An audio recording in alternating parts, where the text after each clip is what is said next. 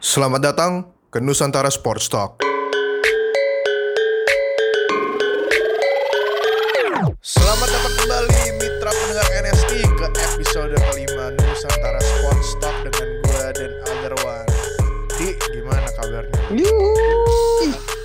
Kabar baik, kabar baik Julian. Dirimu gimana Julian? Ya begitulah, maksudnya ini kita rekam udah malam ya, udah mau tengah malam. Gue nanya kabar lu sih, karena kan lu, lu yang lagi puasa. Iya. Oh wah ya ya, thank you, thank you banget Julian. Baik baik masih sehat, lancar puasa kok Julian. Masih lancar ya? Ya baru apa seminggu juga sih buat lu. Alhamdulillah, Biasa lu, biasa lu batal di minggu keberapa? Minggu kedua, minggu ketiga. Biasanya gue batal itu di awal-awal justru. Jadi ini prestasi gue. Dibanggain. Ya. Enggak lah, gue nggak pernah nggak pernah batal kecuali kalau sakit aja. Ini kita langsung masuk aja ya ke Piala Menpora yang semifinalnya baru selesai. Em, kalau Baru yang game selesai. tadi, tadi berlangsung, gue nggak nonton. Tapi gue nontonnya yang semalam. Lu nonton yang Nonton. lawan Sleman, bener nggak? Nonton, nonton, gue nonton. Lu nonton. Nah, kita ngomongin dulu deh. Persib lawan Sleman, gimana nih pendapat lu? Mm Gua bilang kalau mau gua bandingin antara semifinal yang Persija PSM sama Persib PSS, yang paling enak ditonton tuh ya Persib PSS. Maksudnya flow gamenya itu masih bisa kelihatan lah gitu loh. Apalagi di leg pertama itu mainnya bagus banget dua-duanya gitu loh. Either eh, even yang menang Persib gitu ya, tapi ya ada pola serangannya tuh ada. Cuma begitu di game kedua tadi, di leg kedua tadi, gue ngelihat mainnya tuh entah geradakan banget Jul.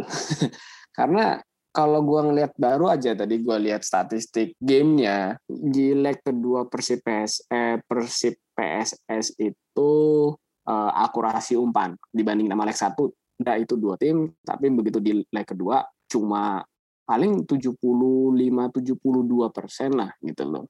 Walaupun ada dua gol di penghujung laga di laga di babak kedua tuh ya cuma ya gue ngeliat ya nggak nggak nggak enak dipandang lah leg kedua nih. Sama-sama sebenarnya Persija PSM Persib PSS tuh dua-dua laganya nggak nggak nggak enak dipandang leg keduanya itu Kalau ngomongin apa Persija sama PSM juga ini ya keras gitu kok. Keras banget. That, that way kayak kalau nggak salah kemarin ada tujuh kartu kuning yang dikeluarin sama wasit Mm-mm. dan ini di sih mana tuh di leg kedua ya di leg kedua kemarin yang berlangsung kemarin Oh, yang iya, akhirnya adu penalti yang gua kira bakal dimenangin sama PSM ternyata ini kicker terakhirnya PSM let them down gitu. gue lupa siapa namanya. Eh, tapi ya terus akhirnya mesti lanjut lagi ke ini ya apa sudden death gitu. Terus pas di Babak- sudden death aduh benar Persija yang akhirnya menang. Tapi ini sih, gue nonton PSM Persija mungkin buat gue seru in a way kayak ya very intense gitu. Mereka kayak inilah maksudnya dua tim kedua-duanya keras gitu mainnya, which is kayak mungkin karena background gue main rugby ya gitu. Jadi gue kayak suka gitu ngelihatnya. keras Tapi ini sih main kayak main kenapa? keras itu seni kayaknya Jul ya Iya, dan kayaknya gua emang sebagai pemain olahraga, walaupun mungkin gua nggak jago, tapi gue suka tipe-tipe yang kayak gitu sebagai pemain. Yang apa agak Iya. kasar, mungkin mainnya di gray area, jadi terus kayak bikin inilah musuh kayak annoyed gitu. Ya mungkin makanya Nah, iya. gua kemarin lihat game kemarin tuh jadi ini, jadi kayak gua relate gitu sama mereka. Terus kan juga gua ini, gua kan share meme-nya ini kan, share meme eh, tentang Erwin Gutawa gitu karena dia kayak nge-lockdown Marco Simic banget kemarin di laganya Persija lawan PSM. benar benar Tapi ya gue nggak tahu itu emang Erwin Gutawanya yang jago banget eh, in defending atau ini Nah. yang dia kayak mestinya ada beberapa yang foul tapi nggak dipanggil gitu sama wasit karena ada beberapa yang yang challenge-nya Ah. dia yang ini sih mungkin kalau eh, orang-orang bakal bilangnya mestinya ada kartu yang keluar gitu. Hmm, oke. Itu gue bilang memang Erwin Gutawan yang bagus gitu loh. Emang Marco Simic itu dari awal pertandingan pertama sampai kemarin itu ya gue bilang ya gitu-gitu aja. Jadi nggak nggak nggak sampai spesial. Marco Simic ini kan sebenarnya spesial itu waktu di Piala Presiden. Mulai spesial tuh dimulai di Piala Presiden 2018 tuh. Dia bisa bikin gol hampir di setiap pertandingan. Tapi uh, turnamen kayak begini belum ada gol dari dia tuh ya. Jadi ya gue bilang praktis si Erwin Gutawa ini yang memang bagus. Pelanggaran yang dia lakukan ya cuma berani juga mentalnya itu dengan ya gimana ya postur badannya Erwin Gutawa kan kecil banget itu kan dibanding Marco Simic bisa dua kali lipatnya Marco Simic dibanding Erwin Gutawa tapi bisa menang body charge berapa kali. Uh, tapi ini juga sih menurut gue kalau kita lihat terutama di second half ini Persija tuh lebih banyak nyerang, kayak lebih banyak mengancam apa gawangnya PSM gitu. Minimal PSM kayaknya chance paling hmm. bagus mereka yang akhir-akhir yang di menit ke-88 itu yang tendangan akhir -akhir, corner bener, tapi ya. di di save sama kipernya Persija kan. Itu di, kalau kiper Persija nggak ketiduran selesai itu. Bener. Maksudnya dia dia nggak ketiduran makanya nggak selesai. Soalnya itu 40-an menit nggak di nggak ngapa-ngapain ya dia. Terus udah kayak nggak ngapa-ngapain udah jam 10 udah udah lagi jam 10 malam gitu tapi ini sih apa iya. mesti Persija mestinya nggak menang sesusah itu menurut gua karena mereka banyak banget um, sebenarnya uh, potensial hmm. chance untuk gol di final third yang terbuang sia-sia gitu dan ini sih menurut gua Marco Simic walaupun bener, badannya bener. gede dia bisa jadi target man menurut gua ada kurang apa ya kurang support gitu di lini depannya Persija dan kurang kreativitas Sip, kali ya. Kayak bener. kebanyakan tuh sering bener. umpan ke tengah, iya. tapi ya Marco Simicnya sendiri kasihan juga gitu. Maksudnya dia dibully sama Edwin, apa Erwin Gutawa hmm. tapi nggak ada support support lain gitu. Nggak ada. Iya, ya itu. Uh, gua ngelihat gua bener banget itu yang lu bilang nggak ada kreativitas mungkin ini nggak cuma Persija sebenarnya, hampir semua tim gua ngelihat banyak mereka lebih mengandalkan umpan lambung. Sebenarnya main umpan lambung tuh nggak ada yang salah gitu kan. Cuma selagi waktu masih banyak ya kan, masih masih 50 60 menit ya. Kenapa? Alasan keduanya adalah karena mereka udah lama nggak main setahun gitu kan. Jadi mungkin itu yang menyebabkan kenapa sebagian besar tim di turnamen ini uh, apa ya nggak lebih lebih lebih lebih senang main-main bola-bola panjang begitu walaupun yang ada juga yang berhasil tapi kan lebih banyak yang gagal juga gitu. Iya setuju sih gue. Tapi kan ini juga kan yang maksudnya minggu lalu ya kalau nggak salah ya komennya Jackson Tiago gitu yang bilang kayak taktik so far di permainan Indonesia tim klub-klub Indonesia apa ya kurang kreatif ya kalau nggak salah ya dia bilangnya gitu. Benar.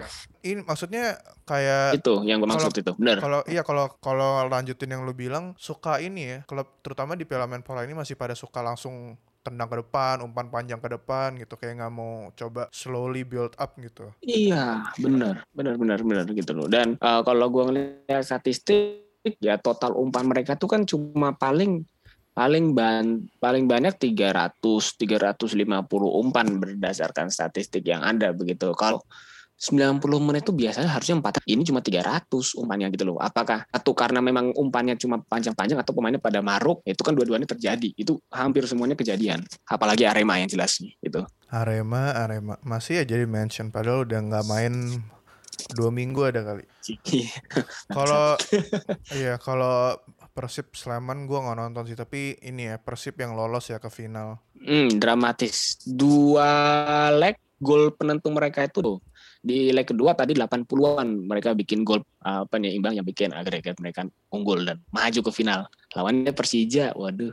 Yeah, yang ternyata bener ya yang lu prediksi di WhatsApp grupnya The Amateurs gitu. Final bakal Persija Persib kalau gue mencoba untuk nggak mainstream gue bilang ini bakal Sleman lawan PSM sih tapi ternyata dua-duanya tumbang. Maybe I shouldn't have said that. Sorry kalau gue jinx kedua tim itu. Ya yeah, tapi uh, final Persib lawan Persija ini bakal kapan ya? Uh, kalau infonya Kamis besok sama hari Minggu. Kamis itu berarti tanggal berapa tuh? Kamis itu tanggal 22 Minggu tanggal 25. Oh, Berarti bakal dua leg juga dua ya? leg, Jul. Itu yang gua nggak habis pikir. Ah, itu yang pengen gua apa ya, kritik juga sih. Ini kan Piala Menpora kok semifinal main dua leg. Padahal kalau tadi gua nonton uh, leg kedua Persib lawan PS, PSS Sleman, itu ada satu pemain Persib yang di babak pertama itu udah semaput, uh, sampai nggak sadarkan diri. Bahkan oh, pada saat wow. mereka Ka- eh, pada saat ya nggak nggak sadarkan diri. Pada saat udah ditanduk keluar malah dia dibantu tabung oksigen. Nah itu yang harusnya jadi ukuran juga harus jadi evaluasi. Ini kan cuma precision gitu loh. Kenapa masa semifinal semifinal sampai dua leg nggak ada penonton juga gitu loh ya kan kenapa nggak lu bikin satu leg ini kan masalahnya kan sama-sama tempat netral gitu loh dan gua agak kurang suka juga Jul kalau final dua leg itu kayak gimana sih ya kan mending final satu leg eh, ya kan di tempat netral kalau perlu ini kan Persija Persib nih ya kan yang jadi yang masuk final Nah, gue pengennya tuh mereka berdua mainnya tuh di Bukit Jalil Malaysia tuh. Wah itu rame banget itu pasti. Waduh, kenapa di Malaysia bro? Broadcastingnya susah. Ntar kita nontonnya nggak di yang pakai V, tapi di Astro. Oh iya. Oh bisa, bisa. Ya bisa aja bisa kali sebenarnya. tapi kan mereka juga ada ini, mereka kan juga seasonnya lagi kayak seasonnya lagi berjalan deh di Malaysia. Oh lagi lagi jalan. Iya. Lagi Aneh jalan benar, lagi jalan kalau- juga. Nah, liga kalau mereka tuh udah jalan, numpang. liga kita masih dalam itu. Tapi ini bakal main di Sleman sama di Solo sih, which is ya emang mereka udah main di situ kan di di semifinal Mm-mm. juga. Di Magu Oh, gitu. Woharjo Oke, oke. dulu, terus di leg kedua baru main di Manahan. Well, ini ngomongin sepak bola, pasti nggak ini ya. Kalau nonton sepak Hmm. bola itu nggak bakal jauh-jauh dari komentator. Wah, karena obviously ada komentator dong Wow. yang ngomongin apa ngebawain game itu kan nggak mungkin cuman mm, eh, silent doang terus kayak cuma dengerin Mm-mm. eh, suara pemain di lapangan gitu. Tapi kalau kita lihat-lihat minggu betul. lalu nih ada hashtag gerakan mute massal gitu karena Hmm, tiba-tiba hmm. banyak yang komplain kalau Valentino Simanjuntak ya komentator yang sering ngebawain game-game Yes, betul. liga lokal ini dibilang terlalu berlebihan. Nah, gue nanya dulu deh pendapat lu. Menurut lu gimana sih? Sebenarnya hate yang dia dapat itu Hmm. deserve gak? Ka- kalau misalkan kasusnya ya kan karena si Bung, Bung Valen ini kan sebenarnya dia baru eh, baru terkenal ketika dia jadi komentator AFF under 19 ya kalau gua nggak salah under 19 atau under 17 itu tahun 2013 tuh zaman zaman Evan 19. Dimas ya kan jebret-jebretnya itu under Iya. 19 ya oke Iya. jadi di tahun 2013. Nah, kalau misalkan eh, alasan gerakan mute masalnya karena si Bung Valen itu berisik, ya harusnya tahun 2016 sudah ada protes gitu kan. Cuma kok baru sekarang gitu loh, ya kan? Itu yang eh, pertama. Terus kemudian kenapa Bung Valen juga yang dihajar? Ini kan Bung Valen dihajar ini sama netizen, bener nggak? Ya kan? Nah, kalau gue bilang pasti Bung Valen tahu lah porsi dia untuk berisik kapan, ya kan. Terus eh, kapan dia harus lebay, kapan eh, cool, itu pasti dia tahu gitu loh. Jadi ya kenapa nggak berpikir lebih step beberapa step ke depan, be- beberapa step ahead lah gitu loh. Kenapa nggak itu aja yang dikomplain gitu loh. Hmm, I see. Berarti lu ini ya in support of Bung Valen ya? gue bilang support begitu ya tapi memang pasti ada Bung Valen. Adalah dengan ini kan dia juga ada evaluasi ya kan? Kalau mungkin ini yang dibawakan liga mungkin dia bisa kayak begitu. Bung Valen ini kan sebenarnya kalau kita ingat dia juga pernah jadi komentator badminton Asian Game gitu kan? Berisik juga men. Oh, itu Iya, gua nggak taw ya kalau yang tentang Belum, gua jujur aja. komentatornya dia Yuk. di apa Ah. badminton. mitra pendengar NST kalau pernah eh, rata kau, rata kau, rata kau itu belum pernah seumur umur gue nonton badminton ada keluar kata-kata rata kau, rata kau itu nggak ada itu bener. Mukul kok bisa dijebretin itu ya baru dia gitu. Gitu. Iya, tapi em, berarti lu in support ya. Well, sebenarnya gua berarti ada di ini nih, di apa? lini berlawanan sama lu. Karena Oh ini berlawanan, oke kita adu Iya. sekarang. Oh, enggak lah. nggak berani gua. Eh iya, eh, selamat ulang tahun ya ke bapak-bapak lu. Waduh, bapak gua ya, thank you banget Baru Julian. dua hari lalu ya ulang banyak, tahun ya. makasih banyak. Tuh Pak, di selamatin ulang tahun ya sama apa Mesir. Ah iya, dua hari yang lalu bener. Gitu Pak, dapat ulang tahun Pak, dapat ucapan ulang tahun. Kadonya Sem- mana tuh ditanya? Semoga semoga panjang umur. Eh, kadonya eh, ntar deh pas sudah kenalan fisik ya, baru kita Tuh. ntar mungkin tahun depan tahun depan ngomong dulu aja. Siapa tahu tahun depan udah lupa. Boleh. Anyway, ya kalau eh, regarding Anjing. apa per komentatoran ini gue sebenarnya ada di lini yang berlawanan sama lu karena gue sebenarnya menurut gue oke kayak Oh. the, the hate the hate to Bung Valen ini menurut gue ada yang berlebihan, that's true. Mitra pendengar NST tahu gitu, gue baru aja kayak ng- mulai ngikutin sepak bola Indonesia gitu. Jadi gue nggak tahu tuh pas awal-awal dia komentator tuh kayak gimana stylenya. Dan of course kalau gue denger-denger ya pas yang Piala AFF Under 19 itu dia yang bikin penyemangat gitu. Tapi gue recently Betul. mulai nonton kan. Terus terutama yang game um, Bali United lawan Sleman itu yang akhirnya bikin orang ribut kan. Dan Hmm. ini sih menurut gua emang dia tuh terlalu berlebihannya berlebihan, berlebihan banget gitu. Ramenya terlalu berlebihan jadi Oh. kesannya tuh kayak try hard banget gitu loh. Ya mungkin nggak perlu em, dia seribut itu, tapi diribut-ributin sama dia. Hmm. Eh, Mungkin mungkin bukan ribut ya, tapi lebih kayak eh, berisiknya gitu di Iya, boy di berisik-berisikin Iya. gitu. Maksudnya yang kayak momen yang kita belum tahu masih momen build up, masih momen build up ini mungkin kayak pemain udah dekat gawang gitu, tapi kita masih belum tahu bakal gimana. Tapi sama dia udah diteriakin kenceng-kenceng gitu kayak jep jep Udah jep jep jep gitu. Maksudnya kayak eh, mereka masih kayak passing-passing gitu loh, kayak ini atau kayak lagi mau apa mau ancang-ancang buat nendang kayak lu nggak perlu menurut gua nggak perlu kayak langsung di diheboh-hebohin kayak gitu gitu. Dan itu di setiap momen di depan gawang Hmm, gitu. ya. Menurut gua Ya. mungkin dia pas di Piala AFF. Under 19 itu udah ketemu formulanya untuk bikin rame. Tapi mungkin semakin ke sini ya dia ya mungkin ini ya maksudnya semua orang Ah. pingin menjadi bet, menjadi lebih baik gitu. Jadi dia put a higher standard to his commentating untuk biar bikin rame.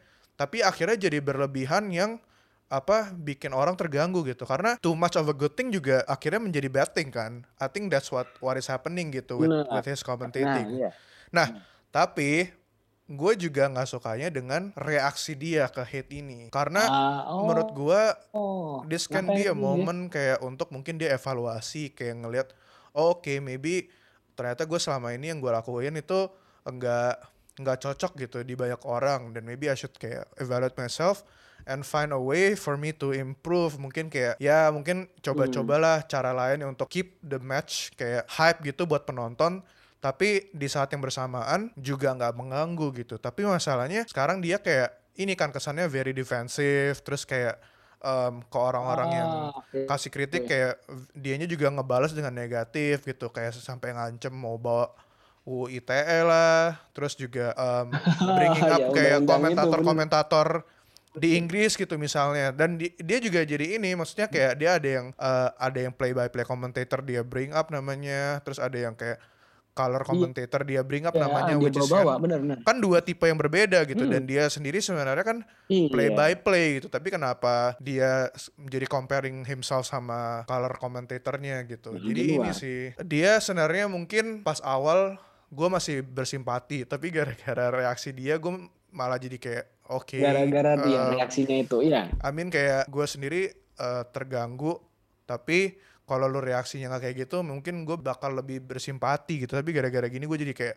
eh, dude maybe the hate is kinda deserved gitu tapi Amin kayak sekarang Amin siapa gua gitu untuk kayak eh, nyerang Iya. dia kan but I'm just ini opini gua aja gitu Amin kalau gue disuruh commentating play by play. Of aja. course ya dia jauh lebih jago dari gua dan gue tahu seberapa susahnya untuk doing play by play commentating gitu. Hmm, kalau ya gue kalau misalnya gue juga baru tahu sebenarnya kalau eh, Valen ternyata bisa responnya kayak begitu bisa bawa-bawa komentar. Tapi eh, kalau misalkan kita balik lah kita flashback nih Jul komentator Indonesia zaman dulu ya itu gue punya jagoan. Siapa tuh? Mitra pendengar NST kalau kalian ngeh kenapa kita sebut mitra pendengar NST itu gue ngambil dari dia sebenarnya. Namanya Alif Syafiar. Nah dia ini komentator Liga Indonesia juga. Suaranya khas. Dan dia pasti nyambung apa dia pasti nyapa penontonnya tuh gini mitra olahraga antv di mana pun anda berada. Nah ambil dari situ. Tuh udah gue pecahin kan.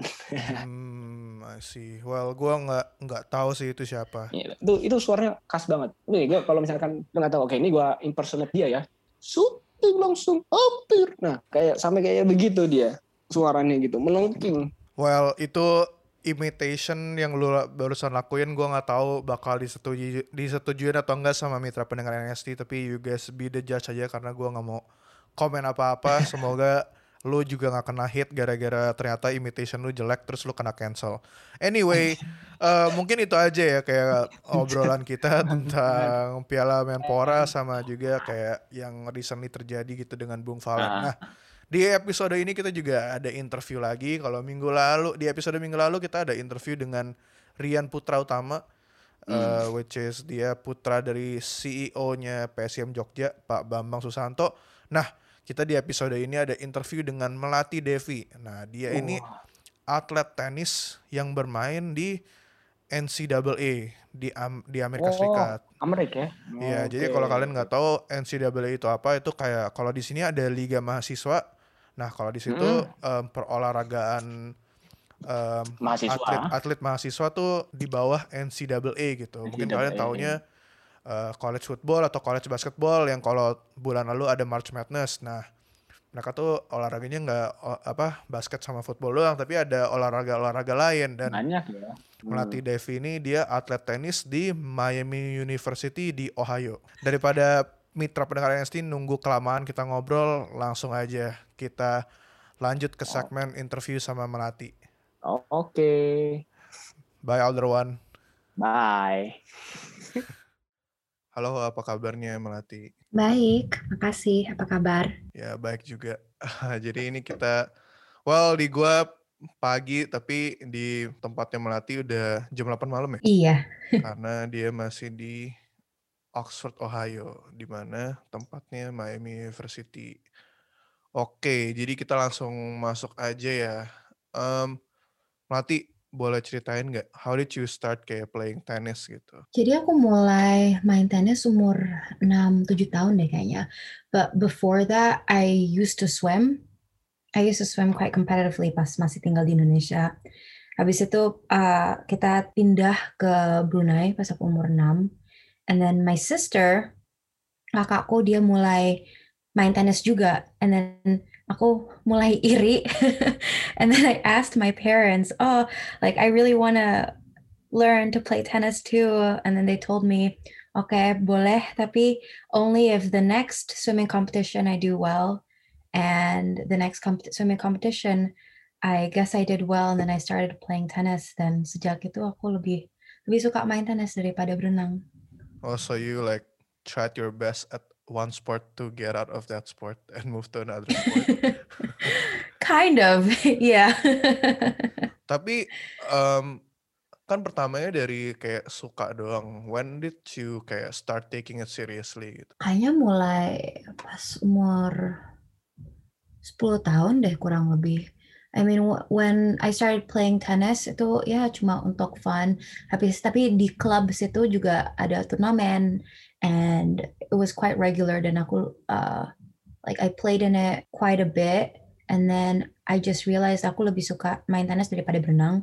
Like with in swimming it's you're competing against really yourself and against the time. Tapi di tennis it's like it doesn't matter how long the match is or what the score is as long as it's still going masih bisa menang gitu so I just found it more exciting dan kayaknya ya uh, umur kurang lebih sem- 10 tahun um, I just started focusing more on tennis and did a little bit less uh, swimming and I think I started playing some tournaments di Malaysia juga and then when I was 12 we moved to Kazakhstan and I started playing some under 14s there.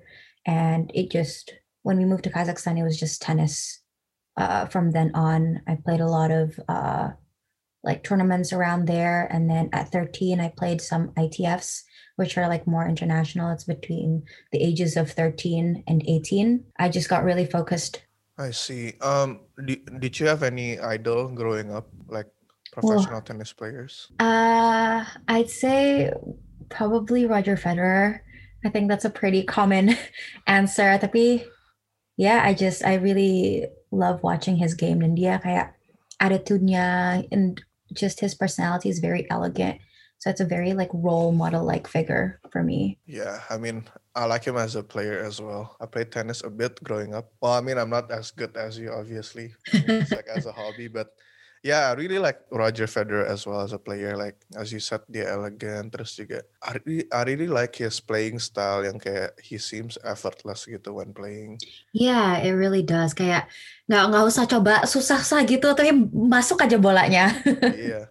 So do you like emulate his playing style? Kayak lu ngikutin cara dia main atau do you actually play differently? no, I think when I grew up, I kind of just developed my own game, I guess, or whatever really suits me. Soalnya aku uh, lumayan pendek, so I realized that I have to be able to run more, um, but also I like to be aggressive on the court.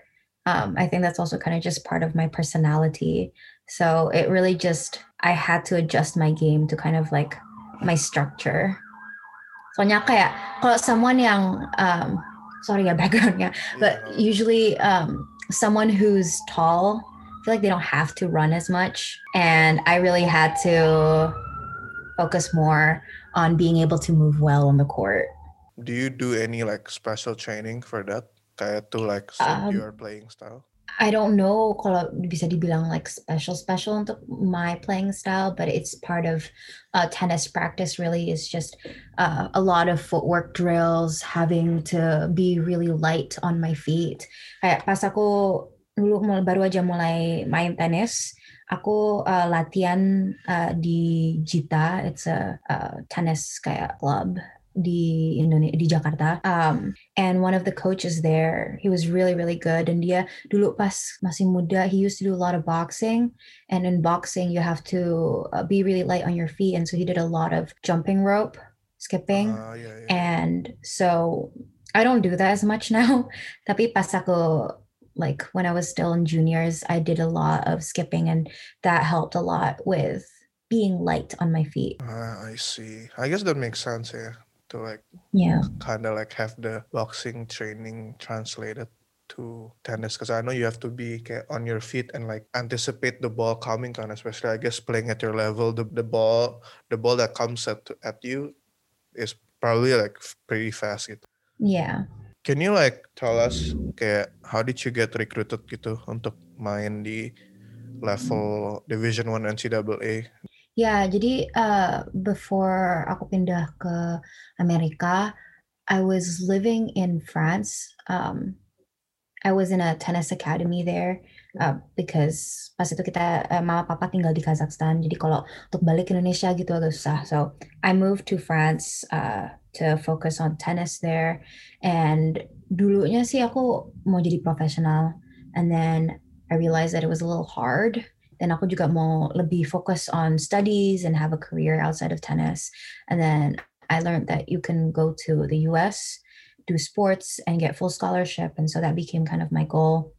And the nice thing at the tennis academy there is they kind of help you try to find schools. There's someone there that has uh, connections with a lot of the coaches in the US, just depending on um, your results from past matches and tournaments and your ranking too. And so I talked with her um, and I told her what I want, like whether I was more academic focused or I was more tennis focused or I didn't really care. Um, and we found some schools. I got talking to some coaches. I also had a help from, uh, she's a recruiter based in uh, the UK. Um, I got to talk to her too, and she had some connections. And it was actually her, one from the UK, that I found Miami University. And from then on, dia kasih email of the coach, and I started talking to him. Um, I sent him like my school records, my um, tennis results. I itu aku like phone call with him, like a video call, and I got to talk with him like what my tennis style is, what his coaching style is. Um, yeah. Oh, also before that though, uh, we would shoot like um like a tennis a recruiting video, kind of just showing my like skills in tennis, like how I play, um, because a lot of the coaches in the U.S. they don't really travel um, out of the country to see play uh, international players, and so that's how they get to see recruits and they send the video to different coaches, and that's how you start talking with them. Oh, I'm I'm actually quite surprised to hear that they don't really travel travel outside the US. Cause I know kalau di tenis gitu kan banyak ini ya, kayak pemain-pemain from Europe gitu ya yang end up playing Yeah. in colleges in in the states. Mhm. I know that they do. They do travel. I I know a few who has traveled uh to Europe, and I remember kayaknya uh, kalau nggak tahun lalu, dua tahun yang lalu, uh, coachku dia travel ke ke Eropa. I think was Spain dan Inggris to see some players. Um, but it's not really common. Most of the time, they travel just around the US because it's cheaper as well.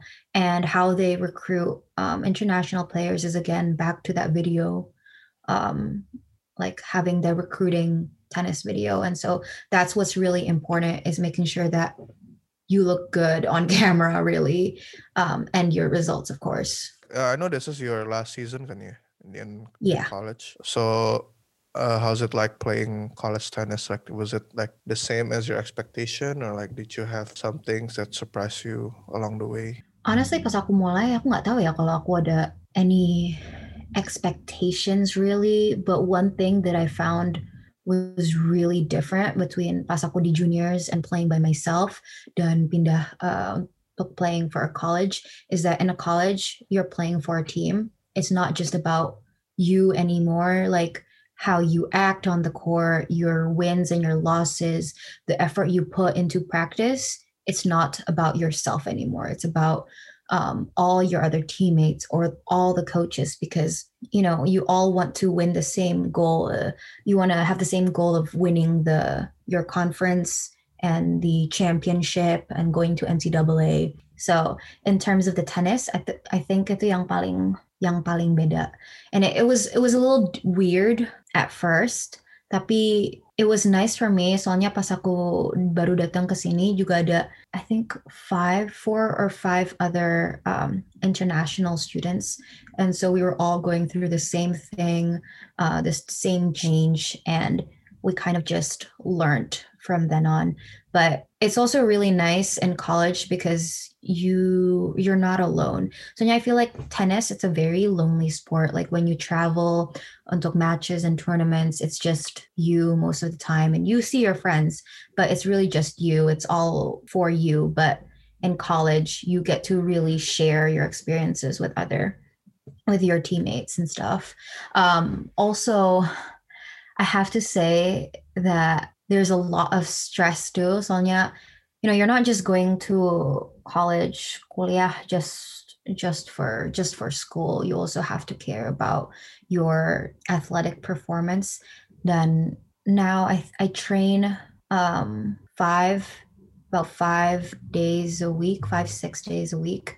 Uh, and that's like two hours of practice sometimes an extra hour and then an hour of lift. And it takes a lot lot of time of your day. Habis itu juga ada sekolah and then a lot of homework um, sometimes i know a lot of uh, some of my other friends they have a job on the side as well. So it's a very time consuming. Kadang-kadang agak susah harus cari waktu untuk uh, uh, PR or even just like hang out with friends. But it's also something that you kind of just learn to develop as you go on throughout your college career. Ini ya kalau jadi student athlete gitu very rigorous ya even though maybe people don't see the the behind the scenes gitu. Yeah. I think a lot of people don't realize too is that, you know, there's also the recovery time and having to go to physical therapy because it's very aggressive on the body. Di harus cari waktu untuk seeing your athletic trainer. And so that also takes time and it's not within like the the allotted practice time gitu. You have to really seek it out yourself. Um, did you did you ever have any major injury during your college career? Uh, probably. I don't. Well, I had a small knee surgery last year. Um, it wasn't like necessary, but karena uh, COVID baru mulai, and then we were going into summer. Uh, I talked to the doctor, and we're like, okay, it's a lot of recovery time. Um, I should be fine by fall. Um, I was still recovering by fall, but um, luckily ako bisa main matches now, so it's not too bad. But other than that, I think um, probably my shoulder. Ito kaya a recurring injury that I always have just because ako mainly right-handed and ako lebih suka main forehand. So it takes a toll on my shoulder. But it's nothing, not major, major gitu. Yeah, speaking of COVID, so ini kan season masih affected by COVID ya. Um, Mhm. How is it like playing in a in a season where everything has to be COVID has to be considered gitu? Um, it was definitely a little different. Um, at first, mainly like practice gitu. Hanya awalnya pas latihan, um, the administrators, the university administrators wanted us to wear masks. Then we were like, uh, agak susah nih kalau latihan pakai masker kayak kalau nggak pakai is already really really tiring. I can I can't I can barely breathe. Apalagi pakai masker is ma- masker. It's so hard. But now we just have to do it when we lift because we're indoors. Uh, but other than that, pas latihan we don't have to. Uh, other regulations, um, we have to get tested every every week because we're in season. Um, so that's definitely different. And then um, yeah, other than that, I think it's more or less the same. But you guys still travel and stuff kan ya? Yeah, kita masih travel. Um, we don't fly a lot, so at least that's nice. Like we don't really have to be worried about it. We just drive to places. Um, we stay in hotels. Just always having to be extra careful, of course. Like we have to walk. Uh, we have to be wearing masks. Um, uh, when we're around the other team, um, there's limited people that can come to our matches. Right now, I think we're only allowed to have two or no four people um, come to our home matches. Um, but yeah, I see. Well, at least inilah ya, even even during COVID ini you, still have the chance to play gitu, especially since it's your last Yeah. season kan ya. yeah, we're very lucky. At least, kaya I know I had a roommate last year. She was on the volleyball team. Then she was a senior, and so her season was just cut off. Mereka, um, like she couldn't play the championship, and you know that's always really, really important. It's what you're always looking for. So it was agak agak sedih gitu, um, like seeing her go through that because you work really really hard for the whole year just for this last part mainly and then you don't even really get a chance to do it um but yeah we're very lucky we got to play and even now like i know some of the teams have gone covid and if they do they just have to quarantine and they can't play um, any matches for i think 10 days or two weeks but once everyone is tested again and it comes back negative boleh balik main Hmm. so it's good that it's regulated. Yeah, I mean, kind of unrelated, but like what you said about working so hard and then like ended up not being able to play gitu kayak I think I kayak last month in the March Madness for basketball, like one of the teams had to drop out before they even played gitu because they tested positive kayak right before the game and like they couldn't wait kan to to postpone the game and like yeah I can see itu pasti um, ngecewain banget gitu for the players especially the the seniors gitu yang I mean it's like that's their last chance to at, at least play gitu. Yeah. Dan apalagi untuk seniors or a lot of college athletes habis selesai kuliah gitu like not a lot of people go to professional and so it's really the end of their athletics career. Yeah. Um can you kayak uh, take us through your maybe kayak game day routine gitu? My game day routine. Yeah. Okay, jadi I'm a little weird. So every season it changes a little bit, but I can tell you how it is this this semester. So biasanya kita main jam. So lately we've been playing at 1 p.m. So it's nice. It's uh, the same time. I would usually go. I'd wake up maybe 8 8:30. It depends when my trainer is available, but I would see her first thing in the morning and about nine I do a bit of um, like warm up, maybe a little we call it like rehab in the in, in the US when you do a little like exercises uh, for your for your body uh, to prevent injuries um, some stretches.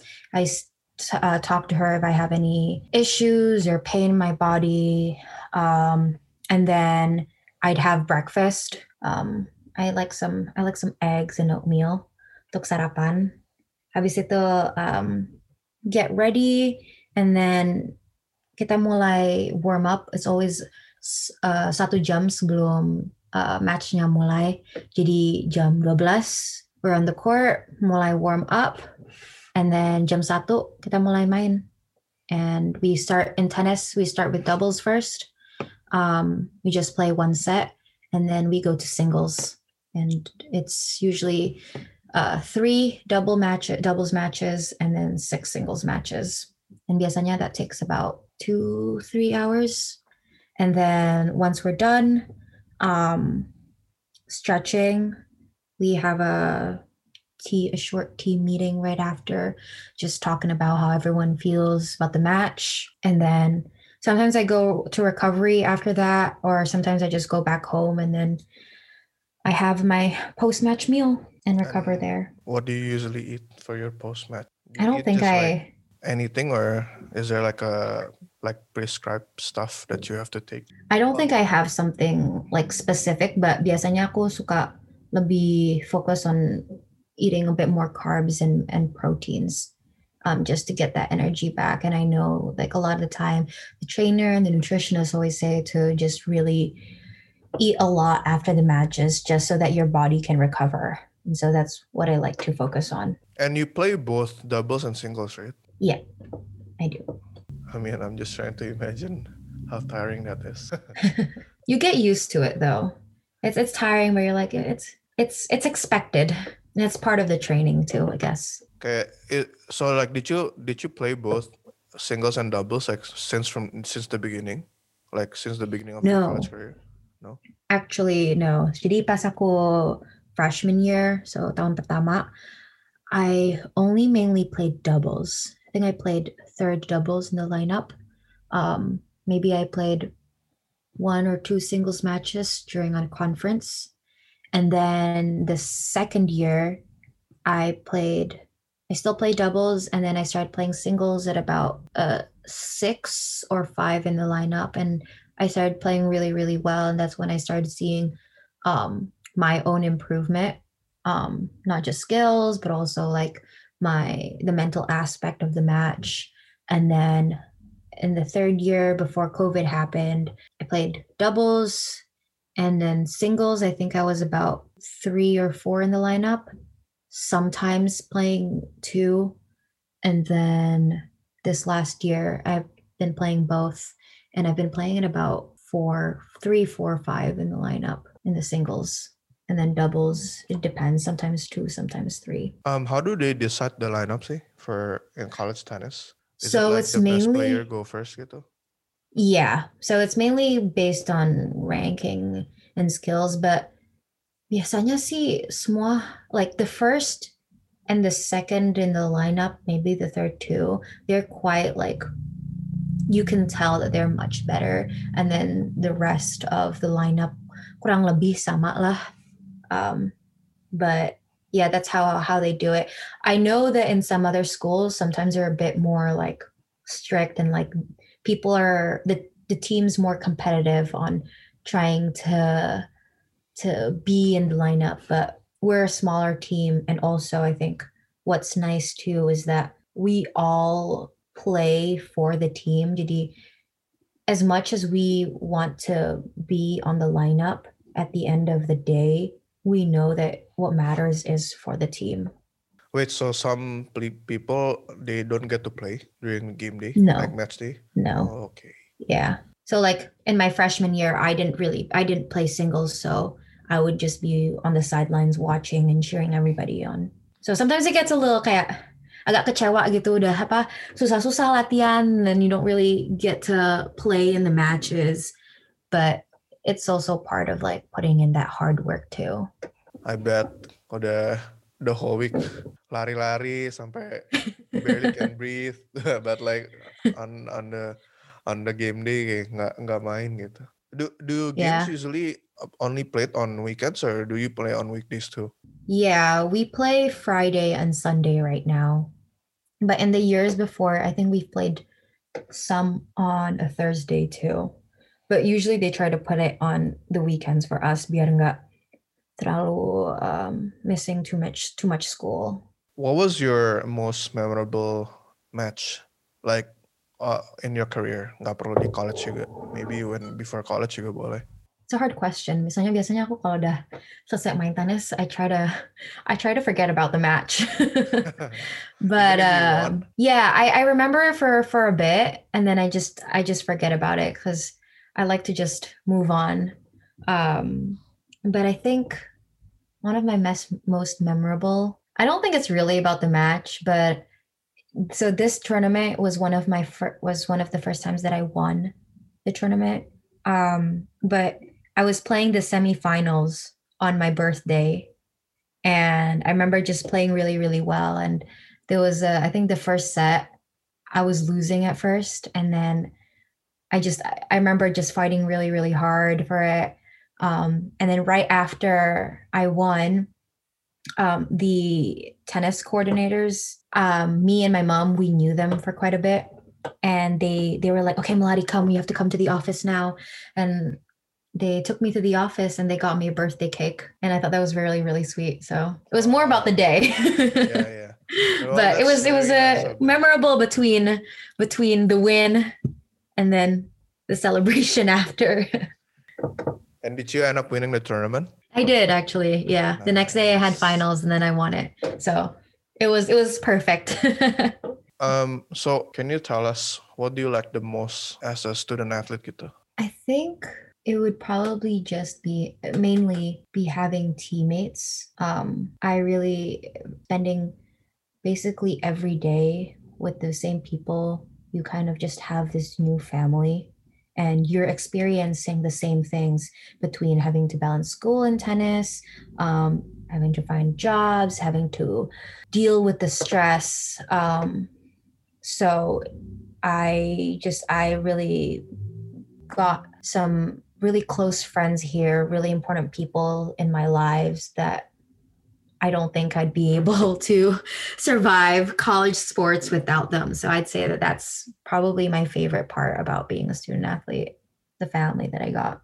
So the ini ada friends you you meet ya. Mhm. Do you guys like study together gitu for like school? Uh, ya kadang-kadang. I'm the type of person though, aku lebih suka kalau belajar sendiri. It's easier for me to concentrate. But if I don't have a lot of homework, I, I do like to study with them and with other friends too.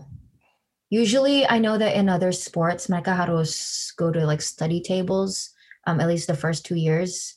So, like for one hour, um, five days a week, they have to go to like the athletic center and study, like check in and study there.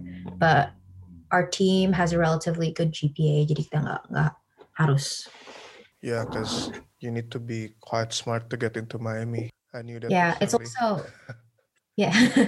well, you just also have to maintain a decent GPA. Karena it's part of like the contract. It's part of the the rules that you need. That part of being a student athlete is also you, you, there's a student part. You also have to um, be decent at school. which sometimes people forget ya. Cuma Yeah. fokus ke atletnya doang. Sorry, kayak you're currently studying psychology, right? Yeah, psychology dan neuroscience. What's your plan after college itu? Will there be any So- tennis involved? No, I think habis habis bulan ini, habis this uh, season, I don't think I'll be playing a lot of tennis anymore. Paling cuma untuk fun gitu sama teman, maybe some uh, colleagues, but I don't think I'd be doing any professional tennis. Um, I want to start a new chapter, I guess, in my life. But career-wise, aku uh, right now I'm taking a minor in management and leadership and I'm actually instead of going into research aku lebih mau ke ke business gitu into management consulting so hopefully that's the career that I go to right now aku lagi cari kerja di Amerika but because of COVID and then also um, visa sponsorships. It's a little hard. Um, so my plan B would be to try to continue and get my master's degree. At Miami, or are you looking at another place? At other places? I'm trying to look for another place right now. Yeah, so for context, maybe the listeners um, mungkin agak bingung ya. I said Miami earlier and also Ohio earlier. There's two Miami, apa two universities called Miami, and the more I guess the more well-known one is the one at in Florida, University of Miami, but the one Melati um, plays for is Miami Uni- University in Ohio. Even though ini ya, Yes. as a school, um, it's actually a really good public school gitu in the states. Yeah, I think that's it for our interview sih. Makasih. Yeah, I mean, thank you so much for taking a time to do this interview. I know like how busy Yeah. ta- apa college student athletes can be. Do you have any like last words maybe you want to share? If anything, I'd say that no matter about uh, what sport um, you're playing right now, I think it's good to consider um, cari beasiswa di Amerika. Because it's I know that uh, the U.S. is very far uh, from Indonesia, tapi the benefits are really really big. Kayak aku right now dapat full scholarship here, and then why I don't pay for my books atau tuition atau rumah atau makanan that's all paid for. And then the facilities are very very good too. Jadi kayak aku kan aku bilang aku injured a little bit the surgery too. Itu semua dibayar sama sekolah as long as it's related to tennis. So it's a lot of these things that you don't realize. And even if you don't want to go into professional having like an international degree looks very very good.